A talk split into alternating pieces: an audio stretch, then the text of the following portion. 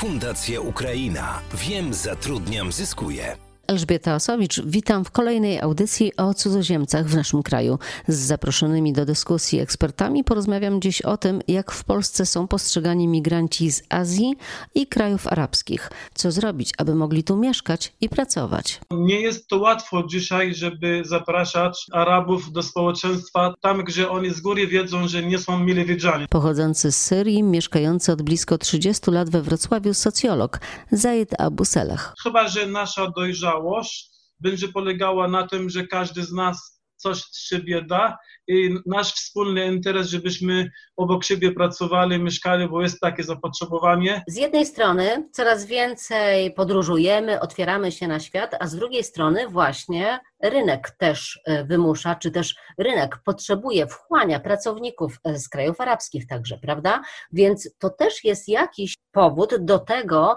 żebyśmy byli bardziej otwarci, tolerancyjni, bo kto do nas przyjedzie, jak tacy nie będziemy? Wydaje mi się, że teraz firmy stawiają przede wszystkim na taką e, naprawdę poważną integrację i pracują nad tym długofalowo i dwustronnie. Psycholog międzykulturowy Urszula Szarek myśląc o tym, czy Wrocław i Dolny Śląsk jest otwarty, wydaje mi się, że tak. I tutaj bym nawet wskazała na takie wydarzenia jak festiwal Brave Kids, kalejdoskop kultur, żywa biblioteka, Wrocław na językach świata, gdzie Polacy uczą obcokrajowców języka polskiego. Jest to tak naprawdę no, dobrowolne. Oni to robią, ponieważ tego chcą, ponieważ chcą poznać drugą kulturę. No i powstały klasy przygotowawcze. To moim zdaniem jest ogromnym sukcesem tutaj i wskazuje na to, że jesteśmy otwarci i chcemy poznawać tą inność. Mówi się my, obcy, ale od tego się już po prostu odchodzi. Teraz nie chcemy być my i obcy, teraz chcemy być my jako wspólnota i to jest tak naprawdę piękne. Teraz we Wrocławiu najbardziej widzimy taką dużą grupę obcokrajowców, to są Ukraińcy. Były lata, że to byli na przykład Wietnamczycy. Oni gdzieś zniknęli z tego krajobrazu, mam wrażenie. Dokładnie, tak naprawdę liczba Wietnamczyków w Polsce nie jest znana. Psycholog Ewa Grabowska, prowadząca badania na temat Wietnamczyków w Polsce. Na początku lat 2000 było Wietnamczyków gdzieś około 50 tysięcy. Jednak według samych ich przedstawicieli, liderów społeczności, ta liczebność e, ograniczała się gdzieś do 20-30 tysięcy. Wietnamczycy byli postrzegani jako ci, którzy są cisi, pracowici, spokojni, tacy, którzy właśnie się y, ich nie widzi. Są takie fale grup, które są popularne w danym momencie. Tutaj mówiąc teraz o osobach z Ukrainy, ze względu na sytuację, y, jaka ma miejsce na świecie, być może są po prostu grupą bardziej widoczną i bardziej aktywną, też ze względu na ich liczebność, ale oczywiście również osoby, które przyjeżdżały, czy to z Wietnamu, z Tajwanu, z Japonii, z Chin, one wciąż do nas przyjeżdżają, są widoczne, są aktywne przy swoich stowarzyszeniach, działają również przy uniwersytetach, robiąc różnego rodzaju tak naprawdę inicjatywy i co jest moim zdaniem bardzo fajne, współpracują z różnego rodzaju stowarzyszeniami. W wietnamskiej kulturze bardzo ważne jest e, takie działania charytatywne. To wynika z kultury, to wynika z religii buddyjskiej. Organizowane są różnego rodzaju akcje charytatywne, czy to na pomoc ubogim, czy bezdomnym, czy y, dzieciom z sierocińców. Teraz y, w czasie pandemii jest to szczególnie silnie widoczne. Cała społeczność wietnamska dowozi szpitalom, lekarzom pożywienie. Składki, które Wietnamczycy robią, one są na stronach Facebooka dostępne no, dla Wietnamczyków. To są kwoty od 100 y, zł do 10, 20, nawet 30 tysięcy. To jest integracja. To jest jeden ze sposobów okazywania właśnie chociażby wdzięczności, ale też pokazania, że Polska jest dla nich tą drugą ojczyzną. Jeden z takich obecnych ciągle, mam wrażenie, stereotypów to jest to, że to są pracownicy niższego szczebla, czy też mniej wykwalifikowani, czy też mniej wykształceni.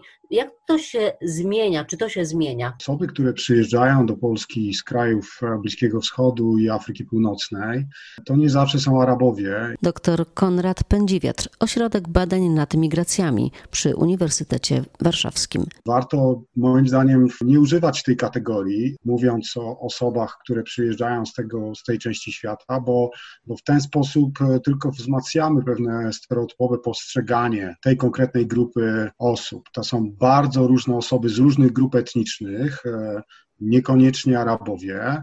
E, przykładowo e, z, z takiego Iraku na Uniwersytecie Ekonomicznym mamy mnóstwo Kurdów, tak? Jakby społeczność kurdyjska jest bardzo liczna społeczność, która niechętnie widziałaby się w takiej właśnie kategoryzacji. Podobnie największą grupą studentów Erasmusowych, które przyjeżdżają do, do Polski, albo jedną z najliczniejszych obok Hiszpanów, są Turcy, obywatele Turcji, tak? Więc tutaj warto pamiętać o tym, że jeśli chodzi o, o kraje Afryki Północnej, są często Berberowie, więc, więc warto pamiętać i używać konkretnych słów do, do określania tych osób i, i pamiętać o tym gigantycznym zróżnicowaniu, również religijnym, o tym, że miliony chrześcijan mieszkają na, na Bliskim Wschodzie, w Afryce Północnej, tak? że ten, ta, ta zlepka Arab, e, muzułmanin to jest, e, to jest kolejna kalka, tak? więc to, to jest jeden ze sposobów. Drugi, druga ważna rzecz, jeśli chodzi o proces integracji, to należy pamiętać o tym, że jest to proces, który dotyczy nie tyle nawet imigrantów i społeczeństwa przyjmującego, tylko e, mnie jest bliska taka, taka definicja, która mówi o tym, że jest to proces, który jest e, trzypoziomowy. Tak? Z jednej strony dotyczy imigrantów, z drugiej strony dotyczy społeczeństwa, z trzeciej strony dotyczy instytucji. I te instytucje różnego typu, które zaangażowane są w, w procesy migracyjne, odgrywają super ważną rolę. Ciekaw jestem, jak będziemy się odnieść do tych imigrantów właśnie z Wietnamu, z Chin, z dalekiej Azji tutaj, po tym jak, się, jak mam nadzieję, że powrócimy trochę do normalności, bo jeśli znowu zaczniemy kierować to, co jest w mediach i będziemy podatni na mediów, to znowu będziemy mieli lęk. Jak się obserwuje tych mediów dzisiaj, wszystko się robi, żeby połączyć tą koronawirus z Chinami albo z Azją, albo z daleką Azją no to znowu tutaj mamy nową sytuację i nowy lęk i, no, i nowy opad. Teraz e, prawdopodobnie na koniec tego miesiąca zobaczymy, że że nasze bezrobocie znacząco wzrosło. Ja mam tutaj pewne obawy tego, że te stereotypy, które były kiedyś, że teraz one mogą wybrzmieć z nową siłą. I teraz wydaje się, że to jest szczególnie istotny moment, żeby te wszystkie programy, inicjatywy integracyjne, które funkcjonują w różnych częściach kraju, żeby one w wzmocniony sposób jeszcze zaczęły działać, po to, żeby, żeby ten, to poszukiwanie kozła ofiarnego właśnie nie poszło na Wietnamczyków, na Chińczyków, a potem dalej na, na inne grupy obcokrajowców. No właśnie, bo za chwilę zacznie się problem, jak Pan wspomniał, z bezrobociem i zacznie się to postrzeganie migrantów jako tych zabierających miejsca pracy, gdzie jeszcze niedawno przecież było tak, że prosiliśmy obcokrajowców o to, żeby do nas przyjeżdżali. Wietnamczycy pracują w takich swoich wytworzonych przez siebie, że tak powiem, niszach, czy chociażby właśnie te mm, salony manicure, czy handel hurtowo-detaliczny, czy usługi gastronomiczne. I zajmują te prace, zajmują się tymi pracami, których z reguły Polacy nie chcą wykonywać. Integracja może się cofnąć, ale ale nie musi. Pierwsza rzecz to jest takie nastawienie do obcych, nasze nastawienie do obcych. Już teraz e, moi znajomi Wietnamczycy zauważają niechęć, która się pojawia to jest odsuwanie się od nich w miejscach publicznych, czy czasem niewybredne komentarze. Ale przecież e, trzeba zauważyć, że oni nie są niczemu winni.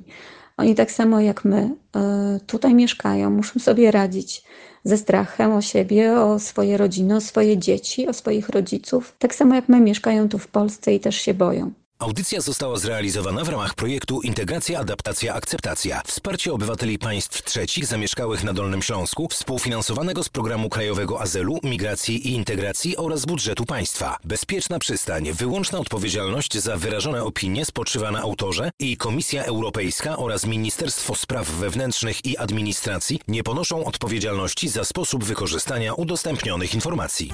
Fundacja Ukraina. Wiem, zatrudniam, zyskuję.